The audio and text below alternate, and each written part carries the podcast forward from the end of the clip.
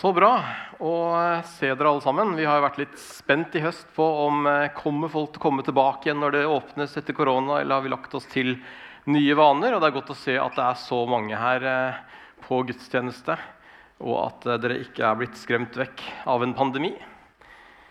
Og så er det fint å komme hit og se som sagt, dere, det er fint å komme inn og se at strikkekurven til Romania er full av tøy som står bak i salen. Det er godt å se at uh, tolk er på plass og oversetter for de som trenger det. Godt å se at uh, det var uh, 15 ungdommer sånt, på galleriet i dag som har sin egen samling nå under talen.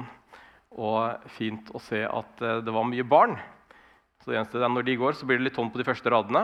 Da tenker jeg alltid når jeg ser det, å, så fint, nå er det på de første radene, og så går barna, og så er det tomt igjen. Men veldig bra at vi kan ha fellesskap sammen. Det er noe med det. Vi, eh, for en del år siden leste jeg en kronikk om hvor unikt og bra konseptet menighet var. Det var en som skrev om eh, at eh, Kirken hadde noe å tilby som ingen annen institusjon i verden kunne ha. på samme måten. Han skrev bl.a. om at kunne, man kunne bli døpt der som barn, man kunne konfirmere seg der, man kunne gifte seg der, og man kunne bli begravet der i samme menighet. Eh, I tillegg kunne man få besøk, man eh, kunne få oppfølging, og man kunne på en måte ha en plass i menigheten uansett alder, noe som er ganske unikt. For menigheten er for hele livet. Det som var interessant også om den artikkelen, var at den var skrevet av en eh, humanetiker. Som selv om han ikke var enig i alt Kirken sto for, så misunte han dem konseptet menighet. Fordi han så at her er det noe unikt som Kirken har. Vi har kommet fram til siste del av taleserien Gode vaner, illustrert med tannbørstene, som eh, minner oss om at vi har, ofte mange av oss har gode vaner i livet allerede, som å pusse tennene, som ikke blir rokket ved av en pandemi, regner jeg med. Så det er noe vi gjør fordi vi vet at det er eh, bra for oss. Og så har vi lagt oss til en god vane gjennom hele livet. Og vi lærer våre egne barn å pusse tennene, så de kan legge til seg til en god vane. Og så er jo spørsmålet også hvordan hjelper vi barna til å skape andre gode vaner når det gjelder andre områder i livet. Som kanskje også er enda viktigere. Eller kanskje viktig med tannpuss, forresten. skal ikke si det. Men eh, som også er viktig, da. Som troen, f.eks. Fellesskapet. Og Vi tror det er viktig også å bygge gode vaner i kristenlivet. Og Derfor har vi altså satt fokus på fire ulike vinklinger de siste fire søndagene her i menigheten. Vi starta med å snakke om dette med å bygge en god vane i forhold til Bibelen, det å lese regelmessig eh, i den. Og vi har også laget for å hjelpe dere i gang med den vanen, laget en bibelleseplan som uh, Trond Vegard nevnte, i, for oktober i Apostelens gjerninger. Og det ligger fortsatt flere bibelleseplaner ute i foajeen. Så ta gjerne med deg en og hiv deg med hvis du ikke har begynt å lese ennå. Så kan du få lov til å lese gjennom Apostelens gjerninger i løpet av en måned. Vi har snakket om det å ha en tjeneste som en god vane. Vi har pekt på ulike muligheter der. Og en av de tingene forresten jeg tenkte på når jeg kom inn i dag, også, det jeg håper at de etter hvert kan få opp kaffebaren igjen før, eh, før gudstjenestene. Så hvis du sitter her og tenker at jeg lurer på tjeneste jeg kunne ha, kanskje hvis du har lyst til å bli barista i kaffebaren som er frivillig, så har vi plass til det òg nå framover. Så ta kontakt. Det hadde vært fint å se deg bak der. Og har Land snakka om å bygge gode vaner i eh, bønn og stillhet. Og det å ha, eh, sette av tid til refleksjon og tid til å tenke, tid til å hvile i en støyende hverdag. Det er et viktig tema, og i dag har vi også kommet fram til det siste temaet, som er fellesskap. Fellesskapet er viktig, og det er kanskje også en av de største utfordringene i eh, pandemien som vi nå har vært i i halvannet år. For den satte på en måte begrensninger plutselig på det å samles fysisk som eh, felles på gudstjeneste. Eksempel. så for mange som hadde det som en god vane å gå i kirken hver eneste søndag, så ble vanene plutselig eh, brutt. Og Det har også kanskje hjulpet oss å forstå også litt mer av hvordan det kanskje er å være kristen i land hvor det ikke er lov å samles. Hvor det er forbudt å være kristen. Selv om det var litt annen setting her, så kunne vi i hvert fall kjenne på hvordan er det når ikke vi kan komme sammen. selv om vi har lyst til Det Det er utfordrende. Vi hadde medlemsopptak her i Grimstad misjonskirke for eh, et par søndager siden. og Jeg sa eh, også i den talen om tjeneste at vi har fire eh, vaner som vi anbefaler til Jeg trenger litt hjelp. Dere har litt problemer med fjernkontrollen for tida. Og det er disse fire. Gå regelmessig på gudstjeneste, delta i en cellegruppe, ha en tjeneste og ha en givertjeneste. Som vi sier til alle nye medlemmer, at dette anbefaler vi som gode vaner i, eh, i menigheten. Vi vet hvilken kraft som ligger i gode vaner. og Derfor så peker vi også på disse fire som vi tror er gode vaner vi alle kan være med å bygge. Ikke bare for menighetens del, men selvfølgelig også for egen del. Det å gå regelmessig på gudstjeneste tror vi er viktig å bygge en god vane rundt. Det betyr ikke at man skal ha en vi skriver regelmessig, ikke gå hver søndag på gudstjeneste. Vi tror det ikke man skal ha dårlig samvittighet av å dra en helg på hytta eller man drar hjem og besøker familien. eller gjør noe annet. Eh, men når vi er hjemme og ikke har noe annet å finne på, så tror at det er viktig å ha en god vane å delta i storfellesskapet. Eh, så kan det noen ganger bli stort i storfellesskapet og på gudstjenesten. Og hvis man heller ikke blir med på kirkekaffen, som også er veldig anbefalt i dag, mye godt der oppe, så kan man også kanskje gå hjem fra gudstjenesten uten at man har snakket med så veldig mange, annet enn kanskje sagt i, blitt sagt hei til i døra. Og Da kan man kanskje også kjenne ikke på det store fellesskapet med brødre og søstre i troen. Eh, vi kan kjenne på det i gudstjenesten. tenker jeg. Vi synger sammen, vi hører det samme. Vi kan kjenne på fellesskap, Men jeg tror også vi trenger fellesskap i våre liv som går dypere enn det. Og Derfor så anbefaler vi bl.a. det å være med i en cellegruppe eller smågruppe, bibelgruppe. kan ha mange navn, men det er det det handler om. De samles i hjemmene i en litt mindre setting. Og vi har cellegrupper nå i menigheten for nesten alle generasjoner. Mange av våre barn og unge er også nå med i eh, smågrupper, noe som har blitt veldig, veldig positivt. Et sted hvor du kan dele livet, dele troen, dele det som kan være tøft. Be sammen, snakke sammen om tro og heie på hverandre. Så hvis du ikke er med i en cellegruppe og tenker at det høres fint ut, så er du velkommen til å skrive deg på i en liste ute i foajeen etterpå. Så vil du forhåpentligvis få tilbud om en cellegruppe om ikke altfor lenge. Ha en tjeneste det snakka jeg om for to søndager siden. Jeg skal ikke bruke mye tid på det i dag. Har du ikke hørt den talen, så ligger den på, på, YouTube. så du kan få lov til å høre den igjen. Men det å være med og tjene og det er også å gi, det er også gode vaner i forhold til fellesskapet. Har man en tjeneste, så man, er det lettere å bygge gode vaner fordi man har noe som man må forholde seg til. Man har kanskje ansvaret for å lede musikken eller stå i døra eller tolke en eller annen søndag iblant. og Da må man jo komme på fellesskapet, da må man komme på gudstjenesten og delta når man har ansvar. Så det kan være med å hjelpe oss til å bygge gode vaner. Det kan noen ganger dessverre være lett å falle utenfor, spesielt hvis man ikke har en tjeneste. eller ja, det blir en del søndag man ikke er her, og så bygger man andre vaner. Den siste gode vane som vi anbefaler, det er jo å, å ha eh, en givertjeneste og være med å gi fast. Og tenker du at Det er ikke jeg med på, men jeg kunne tenke meg å vite mer om det. eller se på det, Så har vi sånne brosjyrer som heter Bli med, som ligger ute i foajeen. Her står det også en mulighet for å tegne seg på en avtalegiro med et fast beløp i måneden. De aller fleste som er med og gir fast, de gir via avtalegiro, for da får du også automatisk skattefradrag eh, på skatten og får litt tilbake for å gi til menigheten. Så det er mulig å fylle ut et skjema, det er mulig å snakke med en av møtevertene der ute etterpå. Eh, hvis du lurer på noe rundt det. Å gi det er en god vane som gjør det mulig for oss som fellesskap å nå mer ut og skape nye tilbud som kaffebar i foajeen, egnede lokaler vi kan bruke, vi kan ansette mennesker, vi kan være tett på Grimstad på en annen måte. Og så gjør det også noe med oss å gi fordi eh, det gir oss eierskap. Når du er med og gir inn i menigheten, så er du også med og kan kjenne på eierskap. Jeg er med og gir, jeg er med i dette fellesskapet, jeg er med og bidrar. Og Det er noe som kanskje også gjør at man kjenner på at dette er mitt hjem, min menighet, mitt fellesskap. Og er det noe jeg elsker, så er det når vi snakker om, eh, om oss, når vi snakker om menigheten, om, om, om vårt, om vi. Eh, for det er også en god vane. Er du med her og ser på det her som ditt fellesskap, som din menighet, ja, da er det også en del av fellesskapet. Da sier vi ikke dere her i Misjonskirken eller jeg og dere. Men da er det vi. Det er oss. Det er vårt.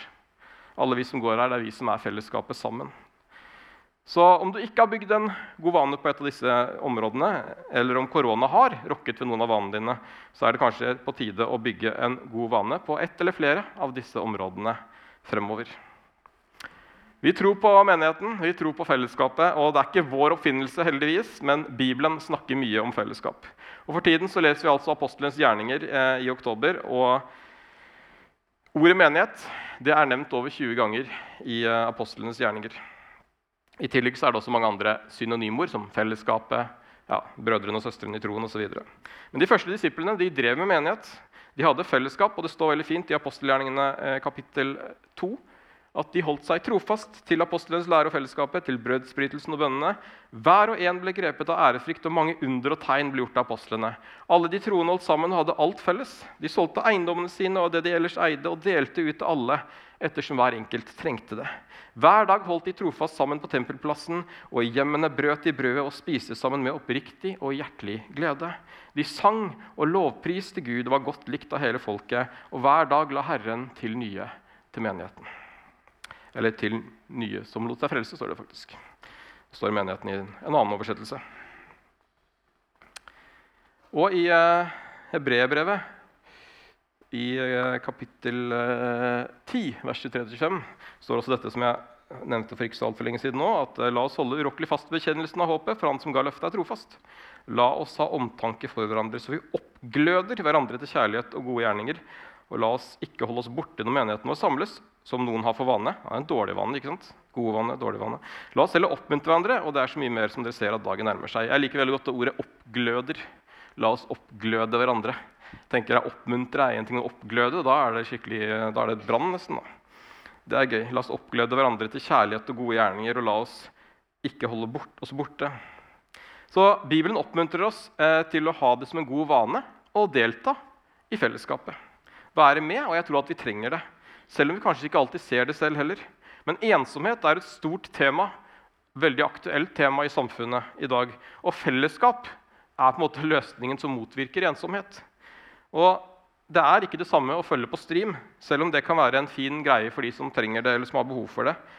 Men uh, man kan sitte hjemme og se på stream og kjenne på ensomhet selv om man ser på et fellesskap. For det er noe annet å være her til stede og delta aktivt i fellesskapet. Og så er det også viktig å tenke på at Vi som menighet vi er mye mer enn bare søndagen og gudstjenesten.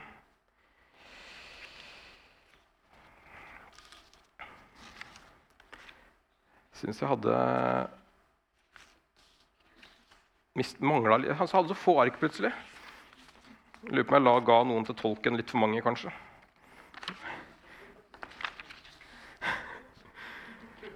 Det er mulig. Kan ikke låne noen ark av deg, tolken.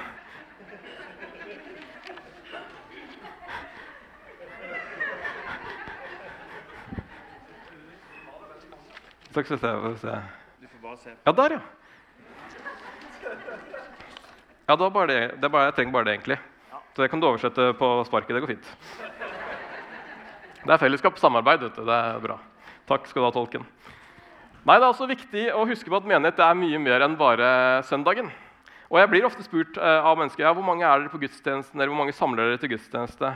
Og ja, jeg tror at gudstjenesten og storsamlingen er viktig, er en viktig del av fellesskapet. Men jeg pleier å si at vi, ja, vi kan være mellom 200 og 250 på gudstjeneste, sånn som vi er i, i dag. Eh, men i løpet av en uke så kan vi være ca. 800 mennesker innom Misjonskirken på ulike aktiviteter og ting som skjer.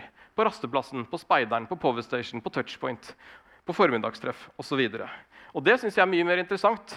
For menighet det er ikke bare noe som foregår på søndager, men det er gjennom hele uka. Så er det ulike former for fellesskap. Og Vi trenger å komme sammen i ulike grupper også. Og Jesus modellerte det veldig fint selv. fordi han, han talte til store folkemengder.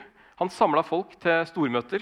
Og, men han brukte også mye tid med de tolv de tolv disiplene som han plukka ut og som han eh, gikk sammen med i tre år. De ble på en måte cellegruppa hans, hvor han delte liv. De spiste sammen. De delte liv og tro. Og de var tett på hverandre. Og så hadde han også noen som var enda tettere. Han hadde de tre disiplene som han tok med inn i Getsemanehagen. når han på en måte, Nå er jeg i en vanskelig eh, situasjon. Dere tre får lov til å være med inn hit. Og så hadde de fellesskap. Og så sovna de litt. Og så, det var liv de delte. Men Jesus han hadde fellesskap med ulike mennesker på ulike plan. Fordi han så at i sin tjeneste så trengte han også det. Og så tenker jeg at hvis han trengte det, så trenger vi også det i våre liv. Og hvorfor trenger vi det? Og da, jo, Jeg lekte da med ordet fellesskap for en del år siden. Jeg viste det her en gang for mange år siden i menigheten. Men jeg tar det en gang til. Vi tåler en reprise siden jeg har ti studiepoeng i, i IT. Så må jeg jo brife med det iblant. Men ordet fellesskap er jo fint, for hvis du, du, kan bryte det ned, da, så kan vi snakke om et uh, fellesskap. Bli med på dette, uh, dette bildet. da. Uh, vi kan si det at et fellesskap, for å bruke et ord som dere skjønner, skap, så er det jo slik at i våre liv så kan vi si at alle vi har hver våre livsskap. da. Her er Knut sitt skap, f.eks. Det er fint skap. Og i de skapene våre så har vi ulike gaver og talenter. For eksempel, så kan si at uh, for så liker jeg uh, å undervise.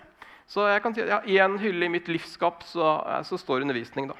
Og så kan jeg det som er fint da, kan jeg ta med min undervisningsgave inn til det store fellesskapet. Og så kan jeg putte da inn f.eks. undervisning inn i det store fellesskapet. Og Da blir det ikke bare et tomt fellesskap, men da er det noe der. Og Så kan andre komme med sine livsskap, og så kan de putte inn andre ting. F.eks. lovsang, som er en gave noen har. Forbønn, det å være med og be for mennesker. Oppmuntring, det å opp, oppmuntre eller oppgløde hverandre, som et enda bedre ord. Og glede og omsorg. Ja, mange ting så fyller vi inn, og så blir det ikke et tomt fellesskap, men det blir et fullt fellesskap fordi vi deltar med ulike ting. Og det som er så fint med fellesskapet, da, som er litt av poenget, at vi kan få lov til å gi inn, men vi kan få lov til også å ta ut. Og når jeg da har vært med å gi, gitt undervisningen, og du ser at nå er mitt skap tomt, og jeg, det er slitsomt å undervise, og jeg trenger et eller annet, så kan kanskje en av dere gi meg oppmuntring tilbake og si så flott powerpoint du hadde i søndagens møte i dag. For eksempel. og da blir jeg oppmuntra, og så får jeg noe tilbake. Og sånn er jo fellesskapet. Og det samme med lovsangerne. Så kan vi gå bort til de og si så flott lovsang. Så flott å se Bernt på trommene i dag. Sant? Jeg trodde ikke du kunne spille trommer. ikke sant? Det visste jeg ikke var noe nytt. Og så kan vi si at han var flink uansett om han var det eller ikke. For det er jo noe med å, liksom, det er jo noe med å løfte hverandre opp. Og, altså, ja, ikke sant? Dere skjønner. Jeg har ikke greie på om han er flink eller ikke. Altså, jeg er ikke musikalsk, men jeg tror han er flink også. Men det er litt av poenget med fellesskapet, og det er det som er så fint. da. At vi kan komme sånn som vi er, og så kan vi få lov til å gi og så kan vi få lov til å få. Og hvis alle gir, og får, eller gir, så vil alle også få. ikke sant? Og det er det store fellesskapet. Var ikke et koselig bilde? Skjønte dere? Ja, det er bra. Heldigvis så, så, har vi flere gaver enn bare undervisning i menigheten. Det har blitt kjedelig hvis det bare var prating hele tida. Så vi har musikere, møteledere, teknikere, folk som lager kirkekaffe, eh, tolker, forbedrere osv. Og, og sammen så kan vi på en måte møte hverandre på så mange flere plan. Hvor alle er viktige, og alle kan få oppmuntring tilbake og andre ting. Og som dere ser, så er det jo en hylle ledig her. Ja, det var noen som la merke det. Og det er jo fordi at vi må ha eh, Jesus i sentrum for det vi driver med i det kristne fellesskapet. Hvis ikke vi har Jesus med i det kristne fellesskapet, så blir vi bare et vanlig fellesskap som et hvilket som helst annet fellesskap i verden. Men det er det som er spesielt med menighet, det er det som er spesielt med fellesskapet, at vi har Jesus med. Det dreier seg om noe mer enn bare oss. Det dreier seg om hvem som er sentrum for hvorfor vi møtes. Og Bibelen peker på dette mange steder. Bl.a. i eh, Fjeserne 4 eh, så står det at det var han som ga noen til å være apostler, noen til profeter, noen til evangelister, noen til hyrder og lærere. Det var han som ga det, for å utruste de hellige til tjeneste, så Kristi kropp bygges opp. Og Kristi kropp er altså et bilde på fellesskapet og på menigheten. Inntil vi alle når fram til enheten i troen på Guds sønn og i kjennskap til ham, blir det modne mennesket som er fullvoksent og har hele Kristi fylde og videre, så skal vi ikke lenger være umyndige småbarn. Ikke la oss kaste hit og dit og drive omkring ved hvert eneste vindpust av ny lære. Så vi blir et bytte for menneskers falske spill og listige og forførende knep. Men vi skal være tro mot sannheten i kjærlighet og i ett og alt vokse opp til Han som er hodet, Kristus. Ut fra ham blir hele kroppen, altså fellesskapet, sammenføyd og holdt sammen av hvert bånd og ledd. Alt etter en oppgave hver enkelt har fått tilmålt, så kroppen vokser og bygges opp i kjærlighet. Og igjen, Kroppen er altså et bilde på menigheten, på fellesskapet. Det er Jesus som skal være hodet, og så er vi kroppen, som kan få lov til å sammenføyes og kan få lov til å bidra med de oppgavene de har fått tilmålt, slik at kroppen vokser, at menigheten vokser, at fellesskapet vokser og bygges opp i kjærlighet. Det er fint? Yes, det er bra. Og det er jo lettere også å fare vill når man ikke er en del av fellesskapet. Derfor er det så viktig å bygge gode vaner i forhold til fellesskapet. Fordi at når man står alene, så er det lettere som står her, å, å drive og kaste hit og dit og drive omkring hvert eneste vindpust, fordi man ikke har et fellesskap som kan hjelpe en til å holde fokus på det som er viktig, og det som er rett. Så det er også fint i eh, Kolosserne 1.18. Han er hodet for kroppen, som er kirken. Så der fikk vi Det også tydelig, så det var ikke bare noe jeg sa, men det, er, det står at kroppen er kirken. Så vi er kalt alle sammen til fellesskap med Jesus og fellesskap med andre som tror, og det er fellesskapet. Og så er ikke alltid fellesskap perfekt. Og de som leter etter en perfekt menighet, de har jeg hørt at de leter fortsatt. For vi er bare mennesker, og vi gjør feil. Jeg gjør feil, du gjør feil. Og fordi at mennesker gjør feil, så blir ikke kroppen perfekt. Selv om vi kan strebe etter å gjøre det som er rett. Og det er mange som har slutta eller meldt seg ut av denne menigheten og andre menigheter gjennom menighetens historie. Noen utmeldinger er naturlige, andre er pga. flytting og sånne ting. Eh, og så er det noen som melder seg ut fordi de ikke fant sin plass i fellesskapet, eller at de bare skled sakte ut. Kanskje svarte ikke fellesskapet til forventningene, kanskje var det andre ting. Og det skal vi selvfølgelig ta på alvor. Og vi trenger også å være åpne og ærlige om det vi ikke får til, og det vi ikke skal være. Og så kan ikke noen menigheter dekke alle behov uansett, men det er viktig å snakke om det likevel. Og I en artikkel av avisa her om dagen for bare to eller tre dager siden så leste jeg en journalist som skrev om eh, hvordan det var skjedd noen grusomme ting i et kirkesamfunn over tid. Og Journalisten eh, skrev et sitat som var slik.: Prester ble flytta på. Svik ble dysset ned. Kirkens omdømme var viktigere enn enkeltmennesket. Hvordan kunne en kirke som tjener ham, som alltid så den ene, han som alltid tok den sårbares parti, begå en slik feilvurdering? Det er vanskelig å fatte, skriver journalisten. Og jeg kjenner at sånne skriverier de utfordrer meg. For det er utrolig lett å være opptatt av omdømme eller hva andre mennesker tenker eller syns, eller har lyst til å pynte på bildet, eller å prøve å lage et glansbilde av menigheten. Og Jeg har sagt mye positivt om menigheten, da, men det er ikke alt som er positivt og som er et glansbilde. Derfor er det viktig for meg å si det òg. Vi skal ikke være menigheten som fremstår som om vi får til alt, eller at vi er så gode. Og Jeg håper at vi aldri blir en kirke som bare er opptatt av omdømme. Og hva er omdømme? Og Vi kan gjerne være opptatt av omdømme, men da må vårt omdømme i så fall være at vi er et fellesskap som ser den ene. Som står på de sårbares parti. Som strekker ut hånden, ikke pekefingeren. Som inviterer inn og ikke støter ut. Som står med åpne armer og gir en klem til de som trenger det, og ikke snur ryggen til. Og Derfor er jeg så veldig glad for at vi har tilbud sånn som Rasteplassen, som vi hørte om i stad, hvor en av grunnverdiene til Rasteplassen er at alle mennesker skal møtes på en god måte. Uansett. Så jeg bare anbefaler å ta turen opp på kirkeaffen og være med og heie på det arbeidet, for det er så viktig. Og det hjelper oss også å holde fokus. Og Romerbrevet 14-19. La oss strebe etter det som tjener til fred, og til å bygge opp fellesskapet. Ofte så bruker vi den bortkomne sønnen som et uh, bilde på hvor raus Gud er. Og så Faren som har mista sønnen sin, så kommer sønnen tilbake, og så står han med åpne armer. og Faren er raus og ønsker han velkommen tilbake, selv om han har rota livet til. Og Det er jo et flott bilde på Gud. Han står med åpne armer hvis de kommer til han. Men historien utfordrer også oss mennesker til å være like rause og ikke være som den andre sønnen, som blir sjalu, og som klager over at faren lagde så stor fest for den bortkomne sønnen.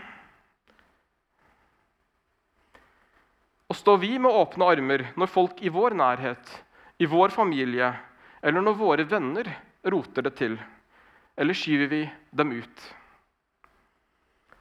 Og er vi et fellesskap hvor folk kan komme også når de har det tøft? Også når de har det vanskelig? Og jeg tenker at Det er nettopp da fellesskapet bør være der. Og jeg håper også at folk kjenner at de kan komme hit når det er vanskelig. Men jeg har også hørt dessverre historier om hvordan menighetsmedlemmer både her og i mange andre menigheter har gått over på den andre siden av gaten for å slippe å møte noen, kanskje tidligere medlemmer eller noen som har rota det til. Og det gjør meg trist. Og må vi aldri bli en perfekt menighet hvor alt går på skinner, må vi få lov til å kjenne på det kaotiske, det vanskelige og det som den første kirken sto midt oppi. For idealet har aldri vært en perfekt menighet. Det er bare å lese i Bibelen.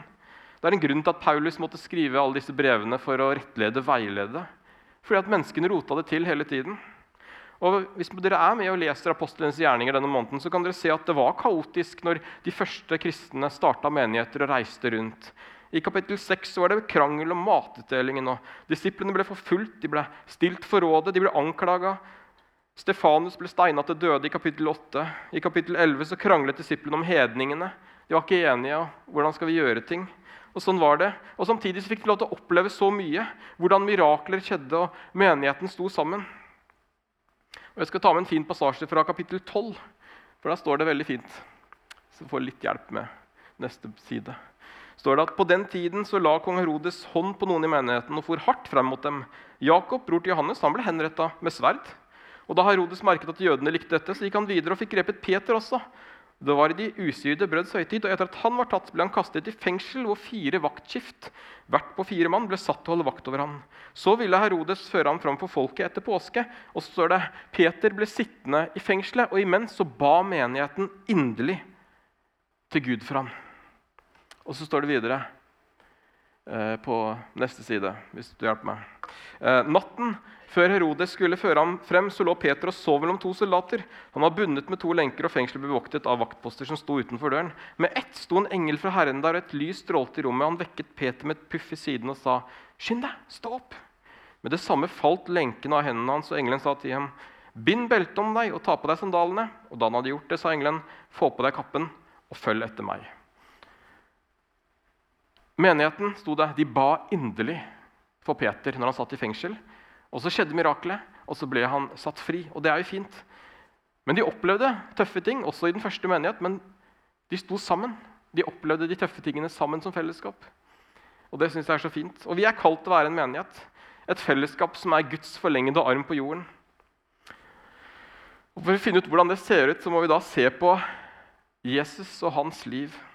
Hvordan han møtte mennesker, og så må vi la han få lov til å utfordre våre liv, slik at vi kan få lov til å være hans menighet, han som er hodet. Vi er kroppen. Og Vi skal ikke være pastorens menighet, vi skal ikke være lederskapets menighet eller noen andres menighet. Vi skal være Jesus Kristus sin menighet. Og det er han som må være vårt forbilde. Så i dag, i forhold til fellesskap, så inviterer jeg deg til å bygge en god vane i ditt liv gjennom å bli med i dette fellesskapet. Og bli med og bygge et rotfesta raust og relevant fellesskap her i Grimstad som ønsker å leve tett på Jesus, tett på hverandre og tett på byen vår. Vi tror at potensialet er stort, og vi har mange ledige plasser. I går var vi noen av oss som var ute i, eh, i byen, i Byhaven, og sto på stand noen timer. Og vi intervjuet 36 eh, mennesker og spurte om de hadde hørt om Grimstad misjonskirke. Av de men 70 tjenestene spurte, det var fortsatt mange som ikke hadde vært der. og som ikke... Av de mangfoldige tilbudene vi har, og mange andre trenger det også.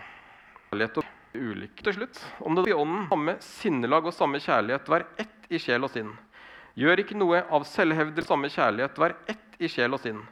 Gjør ikke noe av selvhevdelse og tom ærgjerrighet, men vær ydmyke og sett de andre høyere enn dere selv. Tenk ikke bare på deres eget beste, men også på de andres, og la samme sinnelag være i dere som også var i Kristus Jesus. Jesus han møtte menneskene der de var. Han møtte hele mennesket.